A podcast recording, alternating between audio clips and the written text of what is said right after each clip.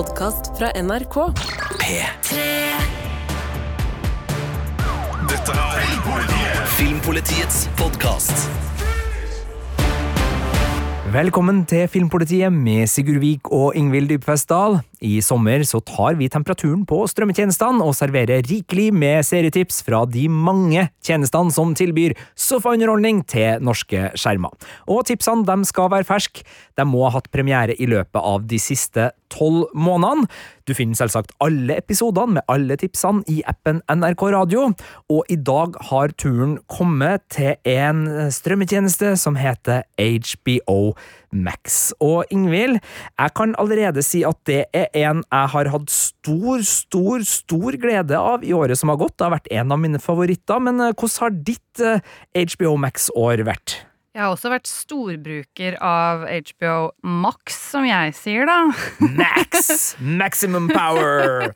Den heter jo også da bare eh, Max eller Max da, i, USA nå, men i Norge så heter strømmetjenesten fremdeles HBO eh, Max. Den skal vel skifte navn på høsten en eller annen gang, tror jeg, og så er det gang i en eller annen eh, sammenslåing med Discovery-innhold og sånn, så det der legger vi ikke oss opp i. Vi legger oss bare i hva har ligget på HBO Max eller Max, eh, du kan si det du vil, eh, det siste året. Eh, Jeg Altså det er vanskelig å komme forbi den første store som kom i august, nemlig House of the Dragon. Ja. eh, det finnes også egne podkaster fra Filmpolitiet om House of the Dragon, så vi kommer ikke til å snakke veldig mye om den her, men det er jo fortsettelsen på Game of Thrones-universet, selv om det da er en prequel til den store fantasy-giganten. Og og hvis du går da i appen NRK Radio eh, og finner Filmpolitiet, så finner du også Game of Thrones-podkasten. Der finner du spesialpodkaster i massevis om House of the Dragon, men jeg er jo helt enig, det var jo en god start på høsten. Eh, Jeg var litt sånn blanda på den serien, men jeg storkoser jo meg i den verdenen, Ja. og, og det var jo eh, et høydepunkt hver mandag når House of the Dragon gikk med sine ti episoder. Det var mye drager og action der. Ja, det var jo en god periode, det der, for den gikk jo parallelt, vel, i hvert fall i perioder, med denne Lord of the Rings-fortsettelsen på Prime. Eh, Så der, det var liksom noen uker hvor man virkelig kunne gosse seg i store fantasy-verdener. Men eh, jeg, helt, altså jeg var litt skuffa over den, fordi jeg elska Game of Thrones så hardt. Og for meg et litt mørkepunkt òg, fordi jeg syns mange av episodene var så mørke at jeg bare Ja, de var på stranda, så var det en drage, vet ikke jeg, det var et eller annet som skjedde. Veldig mørkt. Ja, eh, Men fasit fra Filmpolitiet, som da er vår kollega Marte Henstad som anmeldte den her, var, var terningkast fem. da, Selvfølgelig. til- til det, altså, of er vår fasit. Ja, ja, det er bare min personlige synsing. Ingen trenger å ta hensyn til det. Nei. Eh, Men jeg ble skuffa et par store ting eh, utover det. Det var liksom The Handmaid's Tale sesong fem kom i september. Har elska den hardt og lenge, men syns den har begynt å tape seg litt. Eh, Så kom Miss Dark Material sesong tre. Den likte jeg jo like fremdeles, den, ja, altså. Eh, Jeg likte jo ikke eh, filmen. Kom det ikke en film? Jo, det Jo, gjorde det. det første, altså første boka ble Ja, filmatisert. det. Det var sånn, hæ, ja, jo for det er jo basert på en, en eh, bokserie av uh, Philip eh, Pullman, og den filmen var vel da basert på bok én, og det var vel også sesong én av serien, selv om Ja. de tok inn litt fra bok to i den sesongen og, og holdt på litt. Uh, Men ja, jeg har ikke kommet meg til å begynne på sesong tre ennå. Jeg har vært eh, sløv, men, men du likte den som kom rundt eh, juletider? Ja, jeg har uh, likt alle sesongene og kommer til å henge på fremdeles. Uh, og så kommer jo også Altså, det er Hva skal jeg si, da? Det kom jo noen store hiter. Uh, White Lotus sesong to kom i oktober. The Last of Us, som vi jo har hatt egen podkast om og ellers veldig gjerne skulle snakka mye mer om her, den kom i januar. Og eh, rystet en hel verden med sine deilige drama blanda med spillfantasi og zombier som ikke var zombier. Nok om det. Eh, og så er det jo oppfølger igjen, Perry Mason sesong to. Den har jo du likt veldig godt. Ja da. Eh, dessverre kansellert nå, tror jeg, men det var to sesonger med gammel Hollywood-detektiv i Los Angeles på 30-tallet som jeg likte veldig godt, ja. Og så eh, en nok dundrestor serie som runda av. Succession sesong fire. Den får vi heller ikke lov å prate om. Nei, altså øh, Vi skal øh, altså, Men det er litt vanskelig, da. fordi med, med, noen strømmetjenester så er det det å bare liksom nevne de seriene som er der, for å si fra til folk om at her er det gode serier. Men med HBO Max så vil jeg jo si at House of the Dragon, The Last of Us, Succession og The White Lotus har blitt snakka såpass mye om, og er såpass langt framme i både filmpolitiets øvrige dekning og den popkulturelle bevisstheten generelt, at det blir litt sånn drøyt hvis vi bare skulle ha snakka om dem som gode serier du bør sjekke ut i denne episoden her. jeg er ikke eh, uenig med deg. Jeg bare kverulerer, fordi folk kanskje lurer på hvorfor vi liksom, hvorfor har du ikke valgt disse opplagte. Det er fordi vi prøver å unngå å velge de aller mest eh, opplagte, da, selv om vi jo kommer til å være innom noen klassikere i flere av episodene vi driver med her. Ja, eh, men, men jeg må bare si igjen, da. De seriene har jo gjort til at jeg har HBO Max sammen med Disney Pluss som den strømmetjenesten jeg har kosa meg og hatt mest utbytte av det siste året. Vi snakka jo litt om at både Prime Video og Netflix kanskje Litt fordi uh, det handler jo om hvilken tidsperiode vi, vi, plukker ut også, for de har jo store serier som går enten rett før eller rett etter, men, mm. men der har det kanskje vært litt mer sånn ordinært i år. Mens uh, jeg syns HBO Max har virkelig tatt steget. Den, det var ikke en strømmetjeneste jeg brukte så mye før. Da var det liksom å plukke med de store ja. seriene sånn som de her, men i år så har har jeg også blitt sittende og se uh, litt sånn back-katalog. Jeg så sju sesonger av The Mentalist jeg, på nytt, uh, sjøl om jeg har sett serien før. Uh, gamle ja. krim der, altså. Og som vi skal komme inn på senere, det er mange gode, små serieskatter innimellom alle de her store prestisjedramaene. Yes som deg, da. Jeg òg bruker veldig mye tid på HBO Max, eh, og da ser jeg om igjen gamle skatter. Jeg har blant annet sett om igjen One Tree Hill og Sex og singelliv siste år, og det tar jo noen timer da når du skal gjennom de sesongene der. Ja, det er noen timer. Hvor mange sesonger var det med Sex og singelliv igjen? Før det er de... seks sesonger. De er ja. ikke så mange i hver eh, sesong, men sånn som One Tree Hill er vel jeg husker ikke, jeg er 14 sesonger og 20 episoder i hver. Det er for å overdrive litt, men det er, liksom, det er et helt annet volum komme seg gjennom. Ja, det er jo eh, også noe, no Friends som ligger eh, hos HBO Max eh, nå, er ikke det? Eh, det husker ikke jeg, så det vil jeg ikke stå inne for. Men å, vi må nevne en veldig provoser, ikke provoserende, men kontroversiell serie som har dumpa inn der i juni, og hvor meningene er delte, nemlig The Idol. Weekend produserte, og han er med på skapersida på flere områder. Og han spiller hovedrollen eh, mot eh, Lily Rose Depp.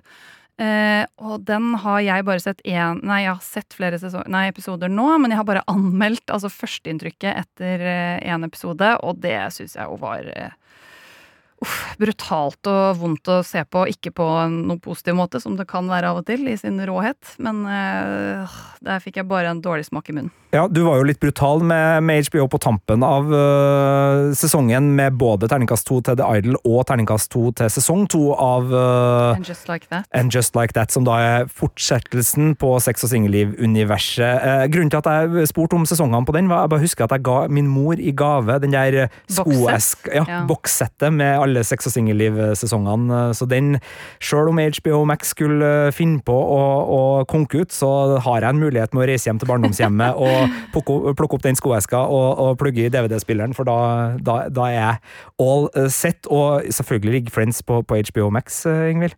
Selvfølgelig ligger Friends på HBO ja, ja, Max. Gjør den det. Men ja, man vet jo aldri, for ting går inn og ut av de katalogene for tida, og det er ikke vanskelig å holde styr på. Det lå på Netflix, Men, eh, ja, du har helt rett. Og de kom jo også med noen på slutten av de siste månedene her som i hvert fall jeg ikke har fått sett, så det er jeg dårlig samvittighet for. Både White House Plumbers og Spy Master, som kom i mai.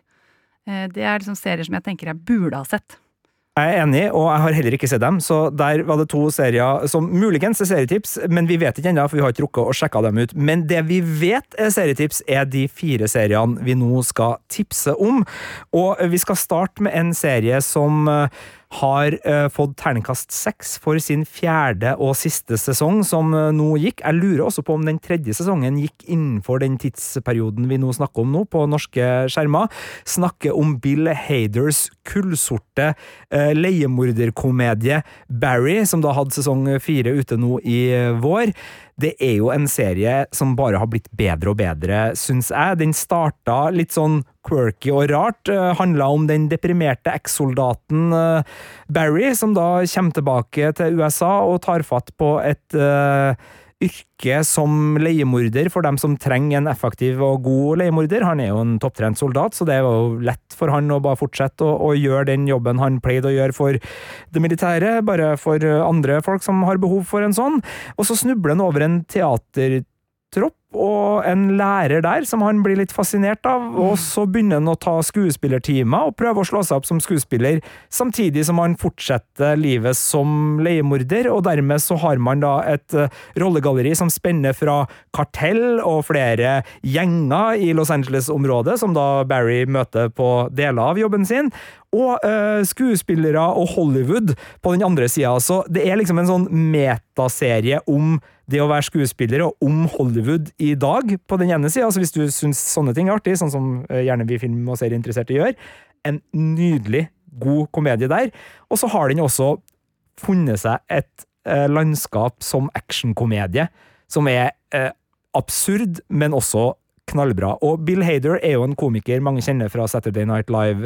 han er jo veldig god på imitasjoner. Du vil finne veldig mange små videoer hvor han imiterer alt fra John Malkovich til Tom Cruise og så og så. Og han er jo knallgod som skuespiller, det er det jo ingen tvil om. Han har også det dramatiske registeret inne. Det som er artig med Barry sesong fire, er at han også er regissør. Han har liksom virkelig tatt fullstendig kontroll på den serien her, og han har skapt altså noen scener som er noe av det artigste jeg har sett av actionscener på lang, lang tid. Han har en sans for det lett sånn smått absurde, som han baker inn i veldig sånn estetiske, forseggjorte scener, hvor han filmer liksom en fyr som skyter med en bazooka mot en villa oppi Hva heter det her, da? Oppi Mulholland Drive-området, eller hvor det nå enn er. Jeg er ikke så godt kjent der. Kanskje litt mer røde. Og så bare er det utsnittet beholdt, og så bare plutselig kommer det en gjeng som var i det huset, springende mot han som skøyt, og så blir det en biljakt. Alt bare holdes i den samme kameraposisjonen. Og så skjer det bare mer og mer absurde ting med alle disse det her mylderet av rollefigurer som etter hvert begynner å bli uh, foran kamera, og det er altså Det er kunst. Det er skikkelig god kunst, og det er så artig at noen kan ta scener som har blitt spilt ut så mange ganger i alt fra Hollywood B-filmer på 80-tallet til storslåtte actionthrillere, og bare gjøre noe nytt med Gjøre noe artig med det. Kombiner det, det velproduserte actionet med humor, og det er også noen biljaktscener i Barry, det var da i sesong tre, som kom i, i, høst, tror jeg, som er helt vanvittig god. Så, så, den har så mange kvaliteter, samtidig som først og fremst så er det jo en hovedperson her som heter Barry, som vi følger gjennom fire sesonger, og det er jo hans historie som er uh, spennende her, med de birollene som også blir mer og mer viktige etter hvert. Så skal ikke si så mye mer om handlinga, skal bare si at Barry er en rar godbit. Jeg vet mange som har prøvd sesong én og kjente at nei, det var ikke helt min greie. Helt fair, det. Jeg kan bare si at sesong tre og sesong fire er de beste sesongene, ja. men jeg vet at man skal ikke være den personen som sier ja, men du må bare se de to første sesongene, så blir det kjempebra. Altså. Det, det, er bare å henge inn der, for jeg vet at så god serietålmodighet er ikke alltid man har. Men hvis du fikk ganske god fot på sesong én og kanskje to, så er det i hvert fall ingen grunn til å gi seg, for det blir bedre og bedre, det her. Og det er en del rollefigurer her som eh, ja, Spesielt NoHo Hank, spilt av Anthony Carrigan, som er noe av det artigste jeg har sett på TV i det siste. Jeg elsker Barry. Terningkast seks for sesong fire ligger altså som ett av tipsene på HBO Max. Uh, scenen er din, Ingvild Dippesdal. Hvor skal vi til tips nummer to? Vi skal mye mer lavskala til en liten småby Kansas. Somebody Somewhere. En uh, liten HBO-serie med Bridget Everett i hovedrollen som Sam, en uh, godt voksen og singel dame som prøver å komme over uh, søsterens død og finne seg selv. og det er en serie jeg har elska altså, siden første sesong kom i starten av 2022. En sånn lavmælt småbyserie om helt vanlige mennesker som sliter med sitt. Av og til så trenger man det oppi alle superheltene og ja, Marvel, gigantunivers og alt det her, så er det liksom deilig å komme litt ned på jorda av og til. Og Everett hun er med på både produsent- og manussiden også, og historien er inspirert av deler av hennes eget liv. Eh, så er det Hannah Bose og Paul Therene som er serieskapere, mens Duplass-brødrene er med som produsenter, og Jay Duplass har regissert flere av episodene. Dette står som en pluss i min bok. Ja, kan vi bare nevne at Når du sier Duplass-brødrene og, og J. Duplass, så tenker jeg på litt sånn lavmælt indie, blant annet serien Transparent, som var veldig god i sine innledende sesonger. De har også laga True Crime om eh, en trehjula bil, eh, som også tror jeg ligger på, på HBO, så det er jo kreative og, og gode brødre, det der. Ja, og dette er typisk lavmeldt, eller sa du lavmeldt, eh, kuriøs indie, den her også. Og det er vanskelig å forklare hva som er magien i Somebody Somewhere, men det er en kombinasjon av eh, veldig gode skuespillere og ektefølte rollefigurer da, og scener. Og den kan, eh, i én episode så kan du liksom både være innom at den er grov, følsom, morsom og rørende i eh, samme, samme episode. Det liker jeg også. At jeg får liksom spilt eh, ut hele følelsesregisteret mitt mens jeg sitter og ser på. Eh, og så får Sam lov til å være en stor kvinne uten at størrelsen hennes er et poeng i serien i det hele tatt. Det liker jeg veldig godt. Hun har eh, derimot problemer som alle andre. Mor som alkoholiker. Blir eh, ganske mye komikk og mørk komikk rundt det. Hun har en gjenlevende søster som er en bitch, og har en jobb som er kjedelig. Føler at du ikke passer inn, og så er det jo sånn press som man mange har kjent på som en godt voksen enslig kvinne, i, her for dette tilfellet i Kansas. Da skal man liksom finne seg en mann og slå seg ned, da, men der er ikke Sam helt. Og så har hun en venn, Joel, spilt av Jeff Hiller, som uh, er også en veldig god uh, Som liksom de to rollefigurene. Det er nydelig å se de i samspill, så man må egentlig bare oppleve det. Og her orienterer man seg rundt da, i sånn kirkesamfunn, familie og vennekrets. Jeg har bare sett traileren til Somebody Somewhere, men da fikk jeg et inntrykk av at denne serien også har litt sånn oppløftende feel good-kvalitet inni Uh, sine ting. Stemmer det? Altså, er det en sånn serie som kanskje gir deg noen perspektiver, noen uh, livsbetraktninger som gjør at du reflekterer litt og kan kjenne deg litt bedre etterpå, eller? Ja, ja, det er absolutt en gladserie, selv om jeg har nevnt masse store, tragiske ting. ja, for, du, For du nevnte jo noen ting her som jeg kan Ja. tenke på at kan uh, få uh, Som du tenker er i downer. hverdagen. Dette er ikke en downer-serie. Det er en eh, serie Du blir i- Altså, ja, du, jeg har grinet masse mens jeg har sett den, men det er en eh, serie du blir glad av som grunntone, da. Fordi det har en sånn livsglede og en litt sånn Ja, men man finner ut av ting, og ting ordner seg selv om det kan se mørkt ut. Så finner man måter å komme seg videre på. Reise seg opp og gå videre. Så ja, se det for en lite, lite smil i sommervarmen. Hvordan er musikken, for det er vel noen musikere eh, foran kamera her? Ja, altså jeg husker ikke musikken som ikke er med, men Nei, nei, altså på den som ja, spilles. Ja, Bridget Everett uh, fremfører jo flere låter, og hun, eh, en del av den viktige historien i sesong to er at hun går til en sangpedagog som hjelper henne liksom å få fram Det blir en slags bearbeidelse av hennes egne traumer òg, da, mens hun går til sangpedagog og liksom ja, så Det er en veldig fin historie. Det må egentlig, jeg kan, det kan, Du må oppleve den! Jeg kan ikke bare fortelle den. Det er et godt eh, innsalg til en eh, serie. Jeg vet, for, for det her er ikke første gangen du nevner Somebody Somewhere, både sesong én, da, som kom i, i januar, og sesong to, som kom mer nylig på, på HBO Max. Så notert uh, i april, ja. Sesong to. Notert uh, der. Uh, neste tips er også en serie vi har nevnt jevnt og trutt her i Filmpolitiet, og snakka litt om både i podkaster før og i vår radiosending. og den har også sneket seg med litt når vi driver med sånn lista over serier vi gleder oss til, og serier vi har likt kjempegodt. Og da snakker vi om vampyrkomedien What We Do In The Shadows, som kom med sin eh, sesong fire i året som har gått, og som er aktuell i sommer med sin femte sesong. Og det her er jo en serie som eh, stammer fra filmen med samme navn, vampyrkomedien What We Do In The Shadows, eh, som kom i 2015. Og det er jo Jemine Clement, eh, kjent fra The Flight of the Concords, blant annet, eh, og Taika Waititi, eh, kjent fra Ja, hva skal man ramse opp Taika Waititi er kjent for nå? Det er Reservation Dogs, det er Thor Ragnarok, det er Jojo Rabbit, det er den fantastiske uh, piratkomedien Ja. som også ligger på HBO Max, som jeg ikke husker navnet nei, på nå. elsker Et eller annet med Flags. Ja, Uh, eh, flagg det. ja. Den kommer også med sesong eh, to. Gleder meg veldig til den. Og sesong én uh, ble tipsa om i denne podkasten fra i fjor sommer, eh, fordi den er skikkelig god. Burde ha hatt navnet klart. Eh, What We Do With The Flags. What Nei, den heter The ikke det. Nei, The Shadow Over Flags. Nei, det var heller ikke den.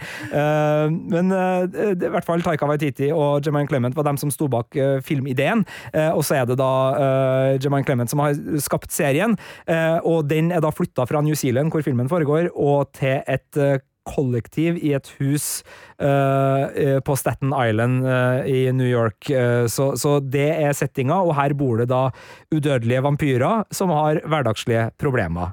Og det er en mockumentary-stil på den her, så det er da et kamerateam som skal følge dem og, og lage en dokumentar. Og det er jo en kjent stil vi kjenner fra blant annet The Office og andre Det er jo en slags arbeidsplasskomedie. det er en slags arbeidsplasskomedie hvis arbeidet ditt er å holde deg i live.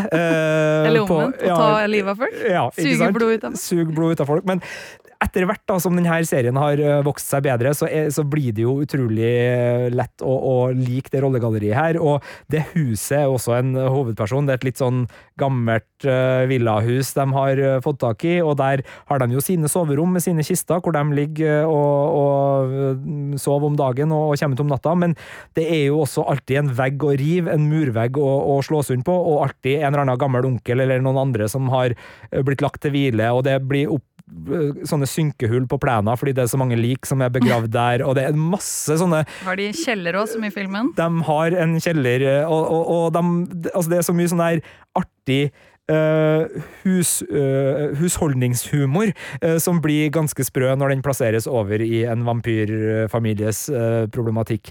Det er også en energivampyr her, Colin, som ikke da livnærer seg på blod, men han suger eh, energien ut av et rom ved å prate om ting du blir helt sånn matt av å høre om. Han vil gjerne snakke om timeshare på Tenerife. Han vil gjerne fortelle deg om uh, kryptovaluta. Altså denne type ting uh, er også selvfølgelig en del av humoren. og jeg flirer og koser meg i det her universet. Det er en lun, sorthumoristisk serie som øh, er full av artige filmtriks, altså analoge, gamle filmtriks. Den bruker øh, kløkt i å, å lage rekvisitter og kulisser som gjør at øh, humoren er veldig sånn øh, Hva skal man si? Altså, du, du, det, det er ikke noe digitale effekter her. Man føler ikke at den jukser for å fortelle vitsene sine. Den overrasker virkelig med en del vitser, fordi du liksom sånn du merker at det faktisk skjer noe fysisk med skuespillerne foran kamera som er artig og uventa, og, og, du blir liksom imponert av håndverket også.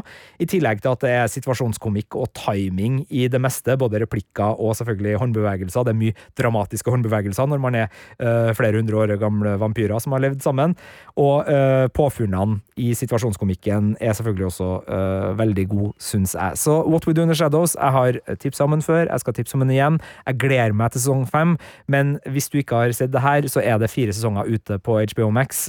Det ligger også delvis på Disney Pluss. Det er en sånn serie som lages av FX, og FX har nå en avtale Det er Fox, da. De har nå en avtale med Disney Pluss, men før Disney, Plus, eller Disney fikk den avtalen med Fox, så begynte jo denne serien å gå på HBO Max, og derfor så er det HBO Max da som har førstevinduet på denne serien i Norge, og så ligger den etter hvert også da på Disney Pluss. Så litt tørr forklaring på noen sånne problemer Det er som mye kan som er oppstå. forvirrende med disse strømmetjenestene. Altså, Prime Video sin eldste originalserie, Bosch, altså krimserien, som jeg er veldig glad i, den òg kom jo ikke først på Prime Video, sjøl om det er en Amazon-serie. Den kom også først på HBO Nordic, da, som det het før, og så på HBO Max nå. Så det var uh, litt nerding, men det handler da om gamle lisensavtaler osv. osv. osv. Har du et serietips til, Ingvild, å redde meg ut av denne her Jeg har uh, et trakten. til jeg kan dra opp av hatten som jeg ikke har på meg.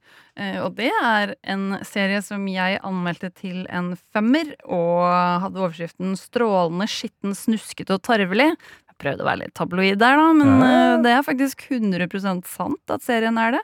Det dreier seg om Rain Dogs, en dramakomedie fra nykommer Cash Caraway, og den eh, tar for seg store temaer som eh, hva kjærlighet, familie og vennskap egentlig er.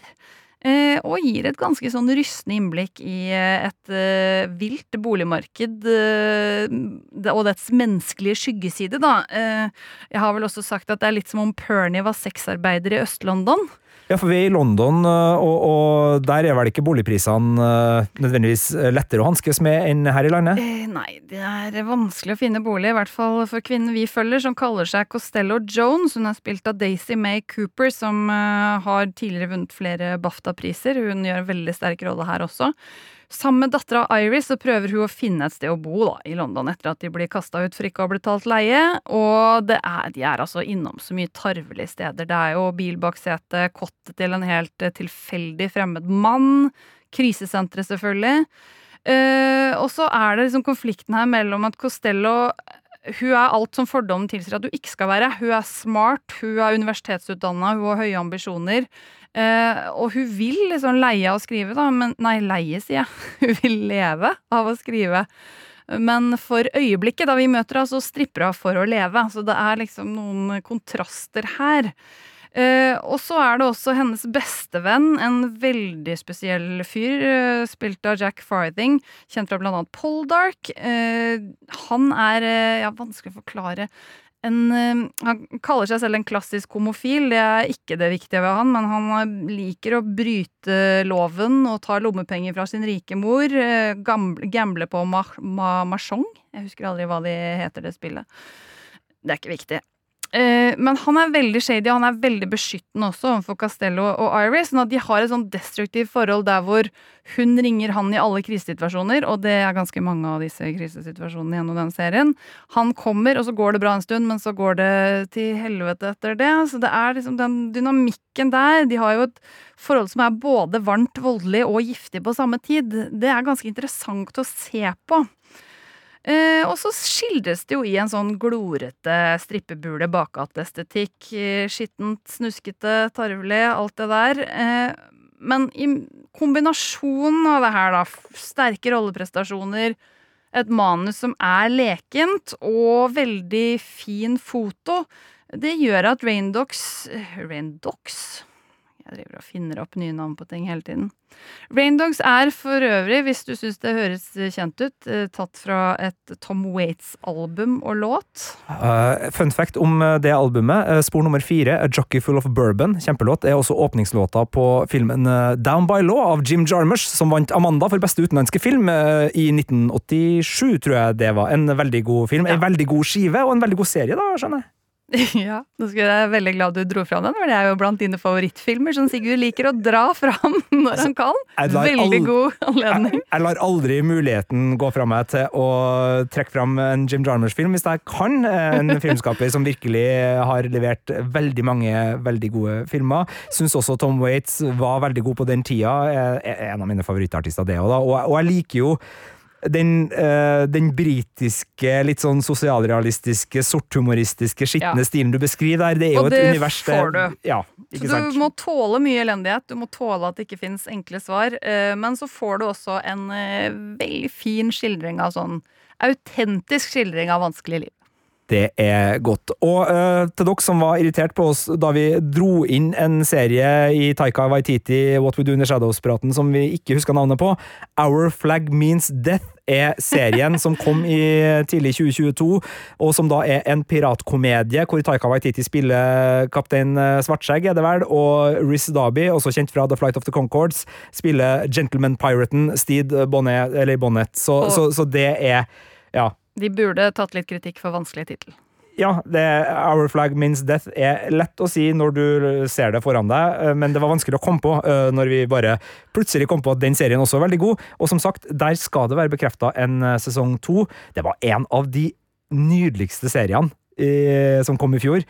Og som sagt, den er på eh, episoden du finner i appen NRK Radio fra Filmpolitiet om ferske eh, sommertips fra i fjor sommer. Eh, Så der ligger det også og Hvis du tenker sånn Ja, men jeg vil jo ha flere serietips fra HBO Max enn bare dem som har kommet de tolv siste månedene. Det er bare å gå tilbake et år, så spilte vi inn en lignende episode Ja, med eh, fjorårets eh, gode serietips. Så, så bare å hive deg løs. Og det er klart, nå har vi snakka masse om HBO Max. Det finnes flere strømmetjenester der ute, og hvis du går i den nevnte appen NRK Radio, så finner du selvfølgelig de andre episodene hvor vi kommer med tips.